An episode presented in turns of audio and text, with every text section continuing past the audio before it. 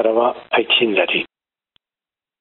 Maietzaren bukaera aldera, Gipuzkoako bi abezbatzen bizita izan genuen araban, lautadako Euskararen komunitateak gonbidatuta. Bizita zen improvisatua inendik inera. Agorengo euskaltzalen talde horrek eta lasarte horiako porrotz paliasoak aurretik ongi prestatutakoa baizik. Ekimenak helburu bikoitza zeukan egunaz gozatzea eta truke kulturala izatea. Iputzek, alaiza eta gazeoko elizetako margoekin batera, agora ingo arresia eta beste ondare kultural batzuk ikusi zituzten.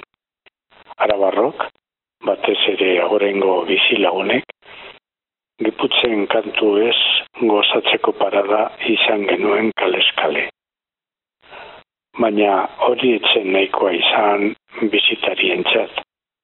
Araba hobeto ezagutzeko beharra sentitzen zuten, eta goze hori asetzeko, itxalditxo baten eskutik jaso zuten araban azken mende erdian gertatutako bilakaeraren berri.